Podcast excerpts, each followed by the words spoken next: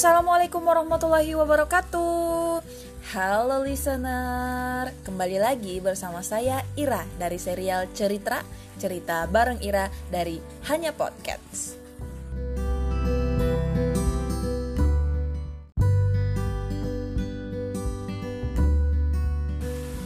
Oh iya Apa kabar kalian di hari Jumat? Semoga sehat selalu ya. Udah siap-siap nih menyambut weekend. Sabtu Minggu will coming. Mungkin kalian udah pada punya rencana ya untuk menghabiskan waktu di akhir pekan. Ya intinya melakukan hal-hal positif ya. Jangan melakukan hal-hal yang negatif tentunya. Nah, hari ini gue mau bercerita tentang sebuah hal yang memberikan kebahagiaan atau kebahagiaan terbesar bagi manusia, bukan hanya di dunia, tapi juga di akhirat. Jika manusia itu menyadari esensi dirinya sebagai manusia, kira-kira kita akan ngobrol soal apa ya? Menurut kalian, soal apa? Hmm, kalau kalian penasaran, so let's listen to the story. Selamat mendengarkan.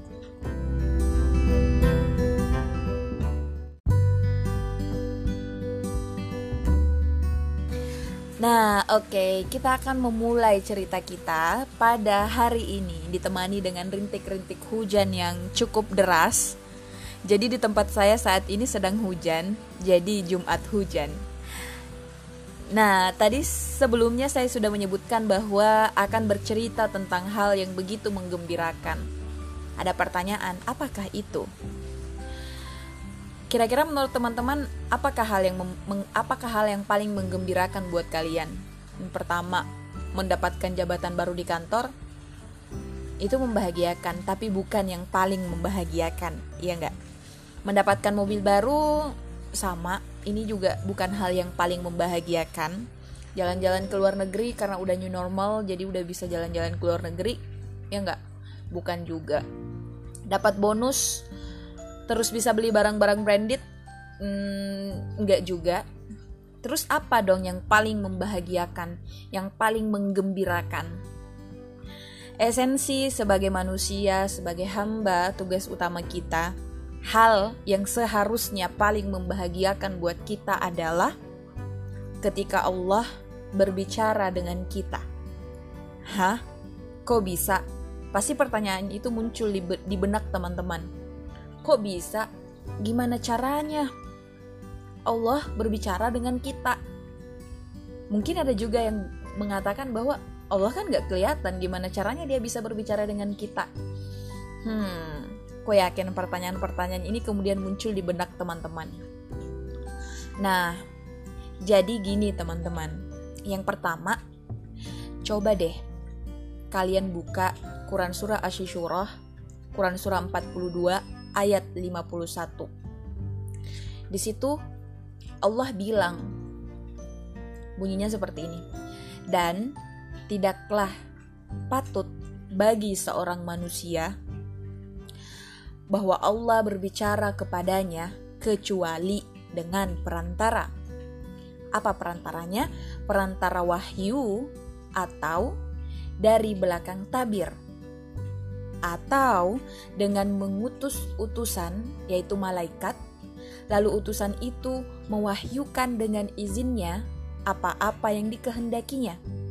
Sesungguhnya dia maha tinggi lagi maha bijaksana.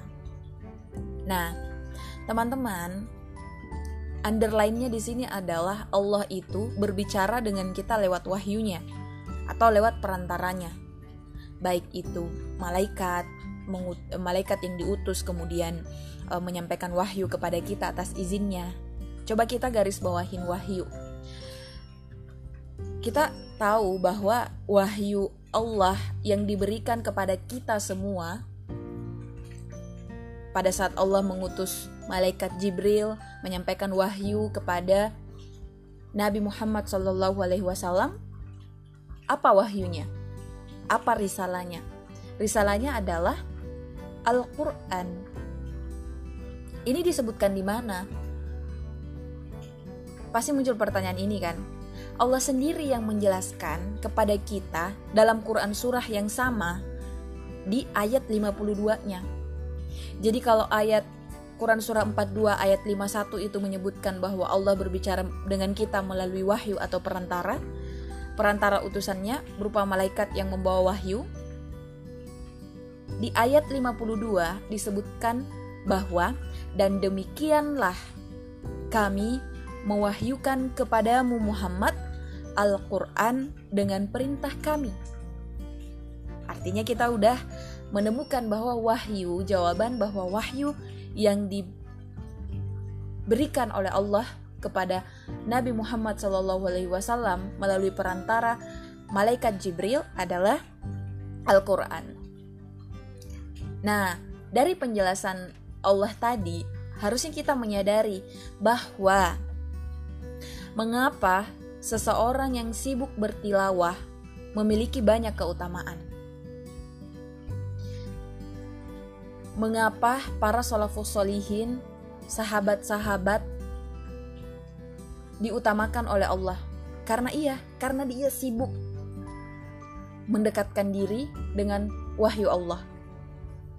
Sibuk membaca, sibuk menghafal, sibuk mempelajari dan sibuk mengamalkan isi-isi Al-Qur'an. Karena sejatinya ketika kita bertilawah saat itulah kemudian Allah berbicara dengan kita.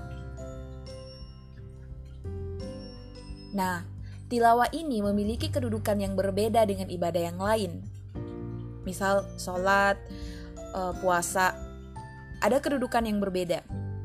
Karena pada saat kita tilawah, pada saat kita membaca Al-Quran, pada saat kita mempelajari Al-Quran, bukan kita yang mengajak Allah untuk berbicara kepada kita. Tapi sebaliknya, Allah yang mengajak kita berbicara. Jika kita sholat dan berdoa, kitalah yang mengajak Allah berbicara. Makanya, sebanyak apa kita berdoa, itu ibaratnya seorang anak yang merengek terus kepada orang tuanya untuk meminta sesuatu hingga orang tuanya mungkin mengabulkan sama. Ketika kita berdoa kepada Allah, saat itu kita merengek kepada Allah hingga kemudian Allah memberikan pengabulan atas doa-doa kita. Jadi luar biasa sekali ya. Bayangin, kita mengajak Allah berbicara, sedangkan di hal yang satu ini adalah Allah yang mengajak kita langsung untuk berbicara.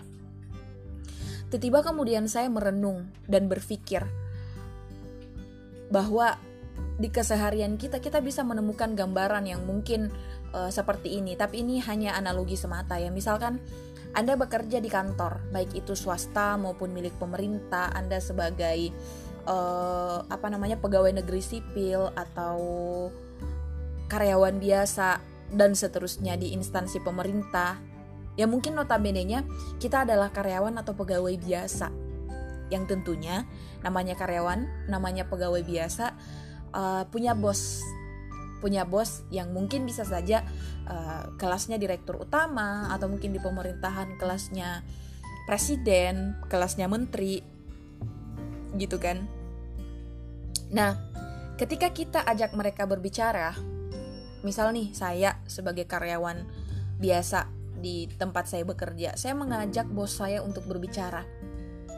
Saya yang mengajak gitu. Belum tentu bos saya ini memperhatikan saya.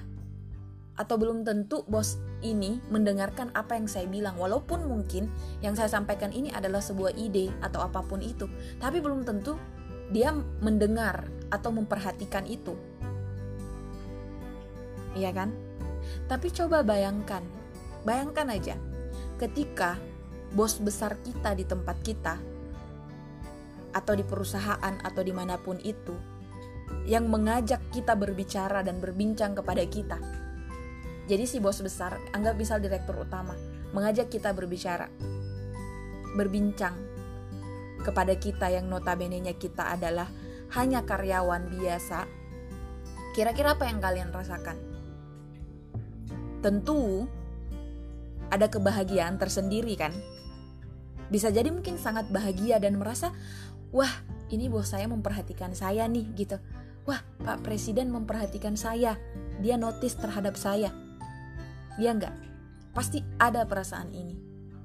Nah, kira-kira gimana kalau Allah yang ngajak kita bicara? Kira-kira kurang bahagia apa lagi?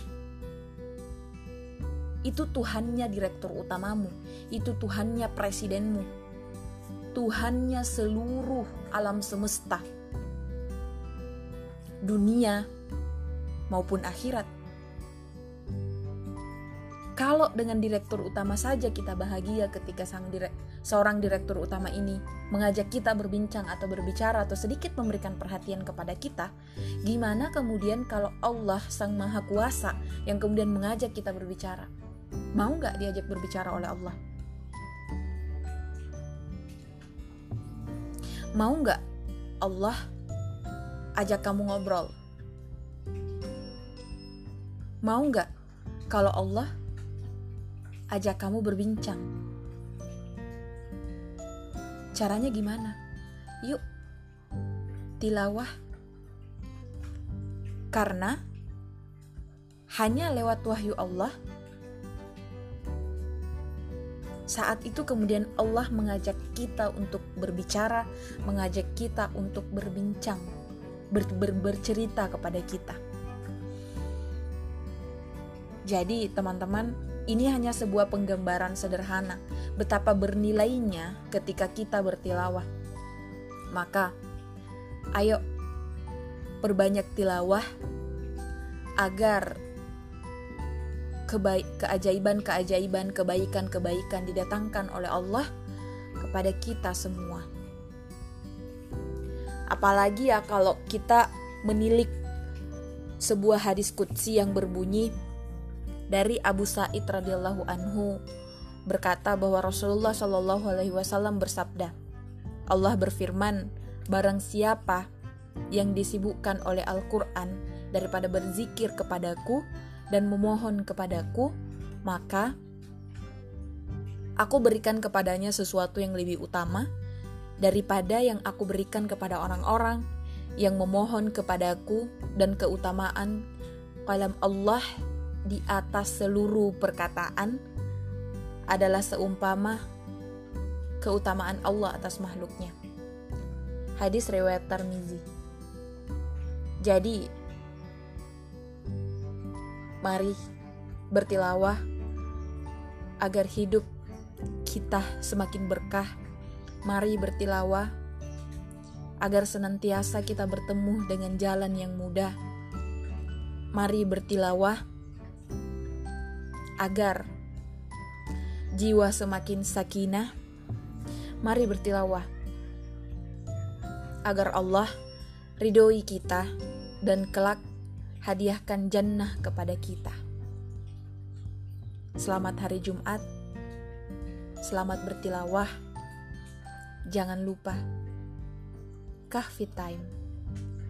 Assalamualaikum warahmatullahi wabarakatuh. Sampai jumpa di episode cerita berikutnya.